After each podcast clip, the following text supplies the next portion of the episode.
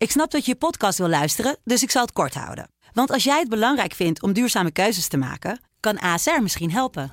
Nou hoor ik je denken, hoe dan? Nou, bijvoorbeeld bij het duurzaam herstellen van schade. Of de premies die we beleggen volgens ons duurzaam beleggingsbeleid. Dat bepaalt waar we wel en juist niet in investeren. Wil je meer weten over welke duurzame keuzes ASR maakt? Ga dan naar asr.nl slash duurzame keuzes. ASR doet het. Zo, dan kan je nu lekker naar je podcast luisteren. And so, my fellow Americans, I shall not see. ask not We will keep this what promise your to the country can do people. for you. Read Ask what my you can do lips. for your country. Dit is Trump versus Biden, de strijd. Een telegraafpodcast over de Amerikaanse verkiezingen. Met Thijs Wolters en Frank van Vliet. Met de opname van dinsdag 22 december. En dan is het nog 29 dagen te gaan tot aan de inauguratie van Joe Biden tot president van de Verenigde Staten. Dat is er een stapje dichterbij gekomen nu het eh, college van kiesmannen. Waarom is er eigenlijk nog geen politiek correcte term voor? Kiesmensen. Ja. Zo'n woke president moeten we dat maar misschien eens eh, voorstellen om te veranderen. In ieder geval, het college van kiesmannen, met daarin ook vrouwen, heeft eh, zoals verwacht, zoals eigenlijk al duidelijk is sinds eh, een week ongeveer, sinds eh, die verkiezingen van begin november, Joe Biden tot president verkozen. Daarmee zijn we er nog niet. Maar de zittende president Donald Trump, Frank, die, die, die lijkt al een klein beetje verdwenen. Is hij er nog wel? Ja, hij is er natuurlijk nog op Twitter. Dat is zijn venster op, op de wereld op dit moment, of de manier waarop hij communiceert. Maar hij is bijna het Witte Huis niet uit geweest.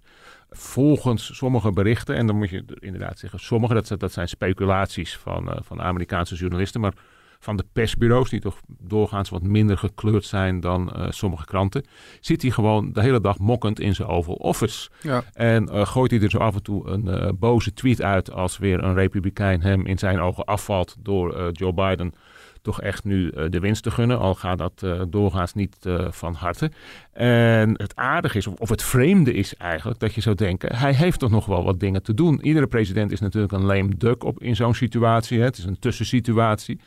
Maar zelfs op dingen waar hij misschien wel trots op kan zijn, dat dat Amerikaanse vaccinatieprogramma bijvoorbeeld gestart is.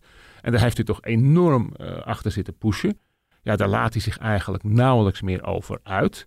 Eh, het was toch ook deels wel zijn succes. Ik bedoel, eh, er zijn fouten gemaakt. Waarschijnlijk in het begin en later ook nog hè, in, in, in zeg maar de kleinere dingen. Dat de, de mondkapjes eh, niet werden gedaan. Dat hij toestond dat hele groepen mensen zich ontmoeten. Ook bij zijn rallies en zo. Maar dat vaccinatie, dat was echt zijn ding. Mhm. En ja, dan zou je denken, als je Am- America first, notabene. Hè, ze waren de eerste met het vaccin. En ja, dan zie je hem niet. Dan zie je zijn, Ja, eh, zijn rechterhand, Pence. ja. zijn saaie rechterhand, zeg maar. die, die dan eh, zijn mouwen opstroopt. En ja, dat, dat is toch eigenlijk eh, heel vreemd. Kijk, dat coronadebat, dat heeft hij al, al laten varen. Want hij denkt, daar kan ik niks meer mee winnen. Het schijnt hem niks meer te interesseren, las ik zelf. Ja, maar ja, dat, ja, dat, dat is natuurlijk bizar als dat zo is. Ik bedoel, dat dat kan natuurlijk niet. Ik bedoel, er gaan nog steeds duizenden mensen dood. Dus onder your watch, of je, hoe je nou bent of verkeerd, daar kan er natuurlijk ook verder eh, medisch gezien en zo allemaal niks aan doen. Maar ja, jij bent de president, dus Ja. dan zou je toch... eh, en, en er is een crisis in je land. Maar goed, hij laat alles van zich afglijden. neem nou die eh, Russische cyberattack. Ja. Dat was toch ook heel merkwaardig. De enige tweet die hij daarover heeft uit laten gaan, volgens mij. Maar jij volgt dat eh, wat beter. Was dat hij China de schuld geeft. Terwijl zijn minister van Buitenlandse Zaken Pompeo de Russen nog een keer waarschuwt. Ja, dat was zo wonderlijk eraan. Die tweet was van zaterdag, meen ik. En eh, toen, toen, toen zette die vraagtekens bij eh, het feit. Want het is een feit, omdat zijn minister van Buitenlandse Zaken, Ja. Mike Pompeo, dat inderdaad de dag ervoor had gezegd dat Rusland hierachter zit. Met geen enkele twijfel erbij. Dat hij dan inderdaad vervolgens weer onder de duiven van eh, zijn eigen minister gaat schieten. En zegt, nou, het zou misschien dan inderdaad China wel eens kunnen zijn. Ja, dus die Pompeo vliegt er straks ook nog op het nippertje uit. Omdat hij de grote baas tegenspreekt. Net als, eh, als Bar. Ja, Maar ja, en die, die cyberattack, ik bedoel, wat ik ervan gelezen heb en, en gehoord, is niet niks. Het is, het is een echt, ze zijn sinds de lente bezig geweest om te graven, die Russen, in, in de Amerikaanse eh, computersystemen tot aan het atoomgenootschap aan toe, ministeries, grote bedrijven, Microsoft, noem maar op. En analisten zeggen, ja, eh, in feite betekent dat dat de Amerikanen hun eigen computersysteem maanden niet kunnen vertrouwen. Want Nee. zo lang duurt het om dat allemaal eh, op te sporen. En- en dat was nog iets wat Trump inderdaad in die, dat het waren twee tweets, zei wat, wat ook niet klopte. Van, ah, het is allemaal lang onder controle. Het is nog lang niet onder controle. Nee, absoluut niet. Eh, ja, men weet niet precies wat ze hebben gedaan. Men weet alleen dat ze er zijn geweest. En eh, dat ze hun, verdedigingssysteem met de prachtige naam Einstein... die, die hebben die Russen heel slim eh, weten te omzeilen kennelijk. En eh, wat ik wel grappig vond, eh, of grappig, cynisch misschien... dat Vladimir Poetin, die was, eh, ik dacht gisteren... op de honderdste verjaardag van de buitenlandse spionagedienst... de Russische buitenlandse spionagedienst... Mhm. En waar waarschuwt hij met zijn pokerface voor? Het grootste gevaar zit hem in de cyberattacks. Ja, Nou ja, terwijl hij natuurlijk zelf alles heeft ontkend van die Russen, maar het is een soort, ja, bij- bijna een vinger opsteken richting Amerika van jongens, hé, hey, dat hebben we toch even mooi geflikt. nou ja, op zich als reactie kan hij misschien natuurlijk nog wel wat verwachten. In ieder geval vanuit eh, de Republikein, een paar Republikeinen in het congres klonk al van hier moeten represailles op volgen. Ja. Tegelijkertijd overigens met het gebrek aan informatievoorziening, dat was ook een klacht van afgevaardigden en senatoren die eh, eh, hebben, zijn vorige week gebriefd over deze hacks. En die kwamen naar buiten en zei- zeiden tegen de verzamelde journalisten van nou, eh, we hebben hier minder gehoord dan we in de New York Times konden lezen. En dat zijn, dat zeg maar een soort Amerikaanse variant is dat op de commissie stiekem. Hè? Precies, dus, daar, is daar moet je echt wel wat informatie kunnen krijgen. krijgen. Ja. Ja. Ja, en dan ga je dus inderdaad denken, wat is er allemaal aan de hand geweest? En dan ga je kijken naar andere mensen, zoals Mitt Romney. Zo'n beetje de republikeins die het vaakst opstaat tegen Trump. Eh, Mhm. wordt daarom eh, Reno, Rhino genoemd, hè? Republican in name only. Precies. Ja, die zegt, jongens, wat Trump doet, dat daar niet op te reageren. Hij zegt, dat is, dat is verschrikkelijk. En hij gebruikt daar woorden als lunatic, et cetera, bij. En hij zegt ook, ja, luister, die Russen, als ze willen, kunnen ze onze elektriciteitsvoorzieningen of onze waterleidingen lam leggen. Ja, en onze president doet alsof er niets aan de hand is. Nee. En die zit maar te twitteren naar de buitenwereld als een kleuter die verloren heeft. Ja, tegelijkertijd, hij legde meteen ook weer die link met Russiagate. Ja. En eh, dat, dat vond ik wel een interessante, omdat ik zag die link daarvoor nog niet echt gelegd worden. Terwijl op het moment dat je het gaat bagatelliseren, op het moment dat je in wezen de advocaat van Poetin gaat spelen, lok je natuurlijk juist beschuldigingen uit dat je in de zak van de Russische Ja. president zit. Dus ik, ik vond het ook een hele rare zet van hem. Dat, dat, waarom beginnen over iets als anderen daar zelf nog niet over begonnen zijn en juist uitlokken die beschuldigingen die je al je hele presidentschap over je heen krijgt. Misschien moet je Ja. het dan ook gewoon een keer laten gaan.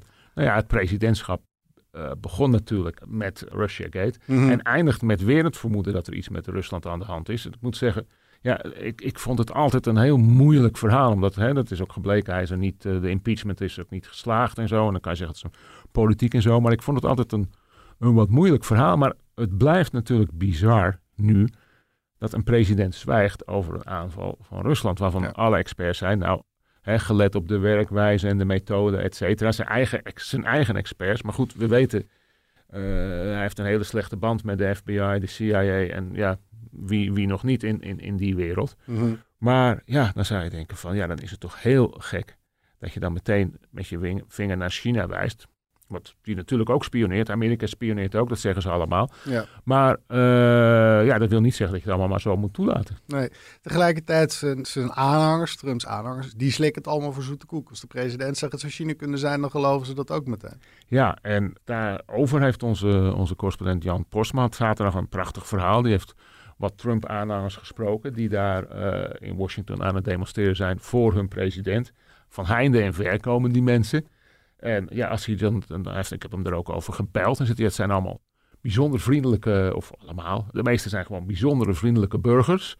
Mensen die, eh, wat zei hij nou? Daar ga, daar ga je heggenschaar bij, mag je zo bij lenen, zoiets zei hij. Dus gewoon iemand waar je eigenlijk niets kwaadaardigs bij kunt voorstellen. Die als hij, toen Jan dan verder vroeg, dat hij dan gewoon zegt van ja, wij zijn bereid om heel veel te doen voor deze president. En laten we hopen dat we niet met stokken en wapens de straat op moeten. Mhm. Een man met twee kinderen die daar gewoon staat met, een- met een bordje en een vriendelijke vrouw naast hem. Die dan tot op het bot gemotiveerd zijn. En ja, dat is natuurlijk angstig. We hadden het in Arizona gezien. Daar was een tweet van iemand die had gezegd van, eh, nou ik ben bereid om te sterven.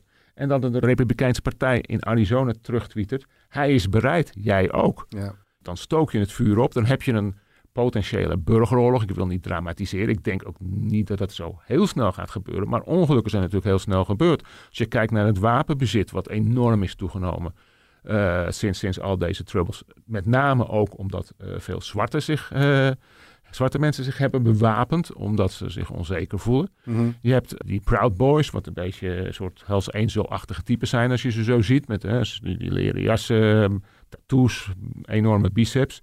Dan heb je de Antifa en de Black Lives Matters, waar ook toch teneuren van zijn dat die zich bewapenen. En die, uh... Wat ook gewoon allemaal mag natuurlijk in de Verenigde ja, Staten. Ja, in de meeste precies. staten is dat gewoon legaal. Ja, maar ja, voor ons, of tenminste, ja, ik, heb dan, ik heb dan drie jaar in Amerika gewoond. Ik heb ook in Israël gewoond. In Israël, als je daar de trein instapt, zie je iedere militair met zijn Uzi lopen. Want die mag je niet afgeven. Als ze daar op schoolreisje gaan, moet er iemand met een Uzi mee om aanslagen te voorkomen. Dus ik ben wel wat gewend. He, ik schrik daar niet zo heel veel van. Maar als je soms de foto's ziet, dat het nu zo massaal is dat er gewoon een, een soort portie staat. En dan is het ja. En in het Wilde Westen schoten ze dan nog met een revolvertje in de lucht. Mhm. En nu hebben ze die, uh, die automatische geweren. Dan denk ik, ja, het kan wel eens er kan wel eens iets fout gebeuren. En ja, volgens mij is het de taak van uh, politici om daar in ieder geval te zeggen van mensen, doe even kalm aan. Maar Ja. dat gebeurt dus niet. Nee, bijvoorbeeld, nou ja, zo'n Romney dan bijvoorbeeld. En, en daarin zie je dat er in ieder geval dus ook een soort burgeroorlog gaande is binnen die Republikeinse partij zelf. En ik weet niet hoe het met jou is, maar mijn indruk is een beetje dat het, het, het kant Trump of, of de Tea Party kant, eh, zoals we het een paar jaar geleden noemden, dat die kant toch echt wel eh, de overhand aan het krijgen is. Ja, en de vraag is inderdaad hoe lang eh, dat duurt. Hè? Je zou kunnen zeggen, wat gaat er gebeuren? Dat is, hè, als Trump eh, eindelijk uit zijn Oval Office vertrekt. Hè, we hebben het al eerder over gehad. Misschien begint hij wel een radiostation Ja. of een talkshow. En waarop hij van alles blijft twitteren. En hij heeft natuurlijk een waanzinnige aanhang achter zich staan. Ja. De vraag is, gaat die aanhang, gaat die op een gegeven moment toch teleurgesteld afhaken? Of blijft hij geloven dat de enige waarheid de waarheid van Trump is? Ja, nou ja, kijk, je ziet in ieder geval, er was een goed artikel op Axios, eh, misschien dat, hele felle interview van, van een maand of drie, vier geleden van eh, Jonathan Swan. Eh, Nieuw-Zeelander is die volgens mij, in ieder geval geen Amerikaan, met Trump. Die heeft voor Axios geschreven dat nu zelfs binnen team Trump in het Witte Huis men een beetje aan het twijfelen is waar, waar, waar, waar Trump nu nog mee bezig is. Er schijnt eh, eh, afgelopen vrijdag, eh, Axios heeft erover geschreven, maar ook de, New York Times en alle andere grote media in de VS, schijnt er een meeting geweest te zijn in het Witte Huis met onder andere Rudy Giuliani, voormalig veroordeeld en daarna weer gratie verleend. Nationaal Veiligheidsadviseur Michael Flynn. Eh, Sidney Powell was er ook bij. Dat is eh, een een collega, eh, jurist uit dat team van, van Giuliani. En daar schijnen dingen te zijn gezegd bij die meeting. Dat, dat, dat zelfs, wat ik zeg, team Trump binnen het Witte Huis een beetje in twijfels begint te krijgen. We, hebben de afgelopen paar weken twee keer het woord wappie op de buitenlandpagina gehad. Ja. Dit zijn toch echt wel wappies. Eh, Ja, verschrikkelijk lelijk woord trouwens. Maar dat wel. Dek de lading ook. ja. Eh, Michael Flynn schijnt daar bijvoorbeeld te hebben gezegd: joh, Trump, je zou eh, de mogelijkheden eens moeten bekijken om eh, eh, een noodtoestand af te kondigen. Militairen naar de swing states te sturen. En daar nieuwe verkiezingen te houden eh, eh, die, die gecontroleerd worden door het leger. Of het zo is of niet, eh, feit is in ieder geval dat het Pentagon er een dag later op moest reageren. En heeft gezegd, wij respecteren de grondwet en wij volgen netjes de regels. En wij bemoeien ons zeker niet met de Ja. verkiezingen. Dat hebben ze toen ook eerder gedaan. Hè? Toen hij eh naar die rally in Washington naar de kerk liep. Kan je Ja. dat herinneren? Ja. Met, toen liepen er allemaal generaals mee. Die hebben later gezegd dat hadden we eigenlijk niet moeten doen. Nee, en Miley, de, de, de huidige chef-staf van eh, de Amerikaanse strijdkrachten, die eh, kort na de verkiezingen ook al had aangegeven, inderdaad, van wij dienen niet de president, wij dienen de grondwet. Wat toch ook wel een duidelijke indicatie was dat eh, eh, van, vanuit die strijdkrachten van jongens, we willen ons hier niet mee bemoeien, beste meneer Trump. Volg gewoon het politieke proces en, en scherm niet met dit soort opties. Tegelijkertijd, als je dan inderdaad zo'n stuk van Jan leest, vraag ik me af of, of er in ieder geval vanuit die achterban van Trump heel erg veel verzet tegen dat soort opties komt. Ik denk dat die het juist zouden toejuichen. Ja, dat denk ik ook. Ik vrees het eigenlijk ook. En dat is natuurlijk toch wel eh, ernstig. Hè? Ik bedoel, ja jongens, troepen sturen om verkiezingen waarvan de rechters al hebben gezegd, ontelbare rechters hebben gezegd, jongens, die zijn gewoon eerlijk verlopen. Ja. En ja, er zijn dan misschien hier en daar wel wat incidenten geweest, zoals bij iedere verkiezing. Mhm. Hè, de, een telmachine die verkeerd heeft gewerkt of zo. Maar ja, als dat dan weer gecontroleerd is en dan weer nog eens een keer goed is. Ja, er is, dit is zeggen en schrijven één rechtszaak gewonnen. Alle rechtszaken die door Team Trump zijn aangespannen of door mensen die achter Team Trump staan, is er eentje gewonnen. En daarbij zijn enkele tientallen stemmen inderdaad van Biden eh, eh, naar Trump gegaan. En Ja. dat is het. Ja, an- dus werkt het dus nog andersom ook. Ja. Ja. Ja. Over dat politieke proces, want misschien moeten we het daar ook nog even over hebben. 6 januari is wat dat betreft weer een belangrijke dag. Dan is er een eh, gezamenlijke zitting van het Huis van Afgevaardigden en de Senaat. Dan moet het congres, zoals die gezamenlijke kamers van het Amerikaans parlement heten, de eh, uitverkiezing van Biden door het college van eh, eh, kiesmannen gaan bekrachtigen. Er hoeft maar één afgevaardigde en één senator te zijn. En dan gaan ze erover debatteren. Ja. Dat hoeft dan ook niet meteen te zeggen dat ze dat dan gaan afschieten. Zo is het ook. Tegelijkertijd McConnell, daar heeft hij nogal de, de woede van Trump over zich Ja. mee afgekondigd. Die schijnt al tegen zijn collega-senatoren. McConnell, eh, de, zeg maar de, de fractievoorzitter van de Republikeinen in de Senaat. Een hele gehaaide politicus. Hè? Ja. Ja. Ik denk dat dat de meest lepe politicus is die in Washington rondloopt. Dat je dat toch wel mag zeggen. Ja, en die, eh, dat denk ik ook. En de machtigste republikein, zoals eh, Jan Posma, onze correspondent, noemde, die heeft tegen zijn collega-senatoren gezegd: wij gaan er niet aan lopen steggelen.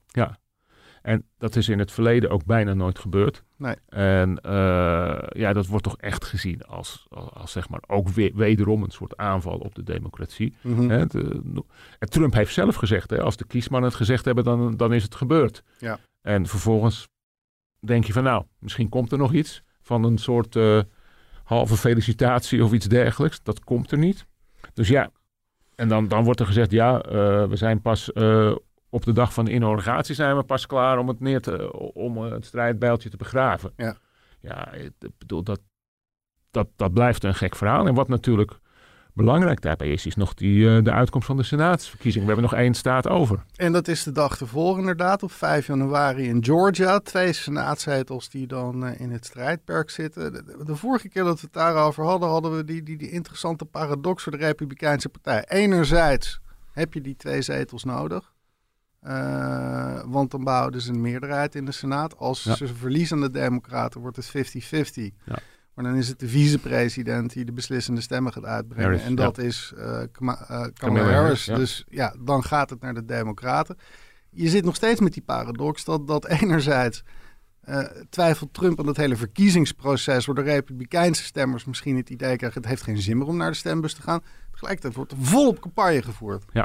En- Ik geloof dat er inmiddels meer aan eh, reclame is uitgegeven door de, beide, eh, door de, de, de vier verschillende kandidaten eh, dan er nu met die, die stimulusbill eh, is afgesproken. Nou, dat wist hij niet. Dus het gaat weer om heel veel geld. Ja, Ja. geeft ook aan hoe belangrijk het is natuurlijk. Ja, natuurlijk is het, is, is het heel belangrijk. En het is ook voor Joe Biden natuurlijk belangrijk. Wat, wat, het hangt er echt vanaf hoeveel hij kan doen. Ja. En als die Senaat alles wat hij naar voren brengt eh, kan cancelen, dan, heeft, het, eh, dan heeft, hij, heeft hij het zwaar. En van Biden is wel bekend dat hij eigenlijk wel redelijk goed met heel veel van die eh, republikeinen overweg kan. Of misschien overweg kon, want die zijn misschien ook aardig geradicaliseerd. Mhm. Hij was, ik wil niet zeggen twee handen op één buik met eh O'Connell, maar ze waren wel pragmatisch in, in dat opzicht. Ja. vraag is, durven de, gaan de Republikeinen dat weer doen? Durven ze het? Want dan, als, eh, dan krijgen ze misschien weer de hoon van Trump over met als, als stemmenkanon.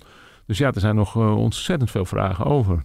op zich met, met, met die erkenning eh, van de winst van, van Biden door McConnell, stuurde McConnell natuurlijk ook wel een boodschap naar Biden van kijk, ik ben bereid. Ja. En, en nu we in deze fase zijn beland, ben zelfs ik bereid om te zeggen dat je hebt gewonnen. Nou ja, en daarom zit die man er zo lang. ja, dat is, dat is een politicus. En, en Trump is natuurlijk, ja, is natuurlijk geen, heeft, eh, geen politicus. Van huis uit niet, maar hij heeft, hij heeft zich ook eh, die stijl niet eigen gemaakt. Nee. En eh, daar kan je hem credit voor geven, zegt hij, hij is zichzelf gebleven. Maar hij heeft ook van zichzelf gezegd, ik ben een, ik ben een slecht verliezer. Mhm. Hè? En ja, dan zou je moeten denken van ja, dan blijft hij ook zichzelf, maar daar schieten we niet heel erg veel mee op op dit moment. Nee. Waar we het eigenlijk dus nu nog steeds weer niet over gehad hebben, is, is, is Biden zelf. Die toch echt de president lijkt te worden over Ja. 29 dagen. We hadden het al even over die Russische hack. Dat is een crisis die hij erft. Ja. Coronacrisis hebben we het al even over gehad. Krijgt hij ook op zijn bordje. Financiële crisis als gevolg van de coronacrisis. Ja, want dat is dan ook wel Ja. weer interessant dat de Republikeinen het altijd pas een probleem vinden dat er een begrotingstekort is op het moment dat ze zelf niet in het Witte Ja. Huis zitten. Dat is altijd een grappig stuivertje wisselen op het moment dat ze dan die macht kwijtraken. Ja. Maar feit is inderdaad dat, dat, dat ook Amerika, de Amerikaanse economie, heeft inderdaad een flinke tik gekregen. Ja. Begint hij nou met achterstand Biden of is dit juist ook een, een, een je kan het natuurlijk ook als een voordeel zien, want hij kan meteen successen gaan boeken eh, op punten waar in ieder geval volgens de achterban van Biden Trump het heeft laten liggen. Ja, maar ik denk dat hij toch wel op een achterstand begint. Eh, bijvoorbeeld Biden heeft heel veel belang gelegd bij het klimaat. Mhm. Eh, Trump heeft allerlei milieumaatregelen van Obama afgebroken. Ja, voor je dat hebt hersteld, is er, zijn we alweer twee jaar verder waarschijnlijk. Dus eh, economisch gezien begin je ook op een achterstand. Ja, zodra het iets wat beter gaat, zou je kunnen zeggen, kijk eens, dat heb ik gedaan. Biden kan ook eh, wijzen op het feit dat toen hij met Obama begon, ze ook de crisis achter de rug hadden. Ze hebben de auto-industrie eh, moeten redden, wat heel veel geld heeft gekost. Mhm. Toen ze na, na acht jaar stond het, stond het er veel beter voor. Ze hebben een goede economie overgeleverd aan Trump. Ja. Trump heeft die in eerste instantie ook verbeterd. Mhm. En ja, goed, toen kwam corona eroverheen. En dan, eh, hoe briljant je ook bent, dan kan je, kan je voor de rest niks, niks meer doen. Nee. Dus ja, misschien eh, PR-technisch kan, kan hij een tijdje erop eh, opteren dat hij zegt van ja, goed jongens, ik moet wel even eerst puin ruimen. Maar ja, gelet nee, kijk, PR-technisch kan natuurlijk ook Ja. best belangrijk zijn. Dat zie je nu ook met de benoemingen die hij doet. Dat, Ja. dat zo'n beetje elke minderheid eh, die er is in de Verenigde Staten heeft inmiddels een, een ministerspost gekregen. Ja, ze hadden nog een eh eenogige invalide van gemengd bloed moeten vinden. en dan hadden ze echt eh, ieder, alles afgetikt. Maar Sammy Davis Jr. is al dood. Dus wat dat betreft. Maar goed, het is een beetje eh, politiek niet correcte eh, grap. Dan komen we natuurlijk meteen op het feit dat deze ministerploeg wel politiek correct is. Hè? Iedereen, Maar iedereen, eh, minister van Financiën of de onderminister, Willie Adimo, is zwart. We hebben een eh, Indiaan of een Native American, wat je dan moet zeggen. Deb Haaland. Eh, de hebben- eerste ooit, hè? Ja, en ook de eerste homoseksueel ooit, begrijp ik. Openlijk, ja. Ja, Ik, openlijk, ik ja. moest het zeggen, Piet Buttigieg. ja, De precies, ik voormalige democratische uitspreken. presidentskandidaat. Ja, ja, Ja. precies. dus en, ja, de vraag is natuurlijk, kijk, zijn die nu eh, vanwege hun afkomst, of hoe je dat moet noemen, gekozen of vanwege hun bekwaamheid? Ja, het lijkt toch wel meer dat ze op bekwaamheid eh, gekozen worden. Wat nog grappiger is, of, of opvallender is, is dat het de meeste mensen komen uit de middenklasse of eh, de arbeidersklasse. Hè? Mhm. De familie waren gewone, gewone mensen. En daar hamert Biden ook wel heel erg op. Want dit is geen miljonairsploeg die Trump heeft samengesteld. Die zijn, zijn andere miljardair, eh, zijn miljardair schoonzoon eh, in de ploeg opneemt, et cetera. En dat was ook gewoon wel zo. Een hoop ministers Ja, van een waren Tuurlijk. voormalige En allemaal, en CEO's. heel veel mannen en heel veel zwart, et cetera. Of sorry, bl- blank. Dus ja, dus wat dat betreft is het wel een wat betere afspiegeling. En aan de andere kant zegt, heeft Biden ook gezegd, er zijn er ook veel oude mensen bij die die al kenden en zo. Mhm. En dan heeft hij ook gezegd van ja, luister, dit is geen tijd voor experimenten. Nee. Want we moeten, ze- er zijn crisis, meerdere crisis. Dus we moeten echt meteen aan de bak kunnen. Dus ik heb geen tijd voor inwerken en zo. Nee. Ja, grote vraag is of hij dat waar kan maken. Hij stond laatst weer heel erg te hoesten. Of hij heeft zich weer ergens versproken. Dus het blijft toch een beetje bij, bij hem ook wel een, eh, van... Ja, gaat hij het echt waarmaken? Heeft hij de energie nog? Eh, Gaat hij het überhaupt redden 20 januari? dat, ja, nou ja, goed. Het kan, eh, alles kan natuurlijk. Dus, Ja. eh, en dan krijg je weer het verhaal waar eh, de Republikeinen op zeggen... ja, van die Kamala Harris, die is wel heel erg links en radicaal. En nou, dan krijgt de linkervleugel van de, van de, de- Democratische Partij... die ze zo heel graag, die Biden eigenlijk heel graag een beetje de, aan de buitenkant wilde houden... krijgen dan weer de overhand. Ja, wat je overigens ook weer vraagtekens bij kan stellen. Want die Kamala Harris, als je kijkt wat ze heeft gedaan als... Als rechter. officier van Ja, justitie, van inderdaad. justitie, ja. is in wezen gewoon een lol en orde republikein. ja. Nou ja, goed. Dus, maar ja, Ja, het, op dit moment is er, wordt er nog zoveel gespeculeerd. Het is, en nog zoveel waarvan je denkt van nou jongens, hoe moet het aflopen? Ja, nou ja, in ieder geval de strijd is nog niet gestreden om maar Nee. even een eh, Wij mooie strijden, verwijzing naar onze naam te strijden ook maken. nog door. Ja, wij komen in ieder geval in het nieuwjaar nog even terug voor die inauguratie. Eh, we gaan waarschijnlijk weer wat opnemen eh, na die verkiezingen in Georgia op de vijfde en na die gezamenlijke zitting van het congres op eh, eh, 6 januari. Dus kom Ja, het is- zeker terug bij ons. Het is ontzettend jammer dat we niet per aflevering worden betaald. Dan, Nee, dus, eh, we hadden gelukkig wel een heel mooi kerstcadeau gekregen van Mediahuis. precies. Dat is heel fijn. Dank u wel, België. Wil je meer podcast luisteren? Probeer dan ook eens afhameren met Wouter de Wind. Zodra er ook maar enige reden is om in te grijpen, dat zei Jesse Klaver ook gisteren, dan moet er gelijk worden Ja, als er maar de kleinste aanleiding de is, kleinste dan... eh, ja. aanleiding. Jesse Klaver zit er bovenop. Ja, weet je, alsof ze uh, druif aan het eten zijn in de ministerraad elke dag op, op een chaise longue. Ja. En dan denken ze, nou ja, weet je wat? Maar we wachten tot, tot Jesse Klaver wakker wordt, dan komen mensen in actie. Zo werkt het natuurlijk niet. Een podcast van de Telegraaf met het laatste politieke nieuws. Als het rustig blijft rond het Koningshuis de komende jaren, dan ebt dit weg. Als het nou over twee maanden weer bal is, over een half jaar weer bal is, of Mm. in, in juli of zo. De wintersport in leg misschien dan, hè? Nou, dat, dat, dat soort dingen zijn, zijn kwetsbaar. Ja. Ja. Elke vrijdag een nieuwe aflevering. Te beluisteren op de site of in de app van de Telegraaf of via je eigen favoriete podcastplayer.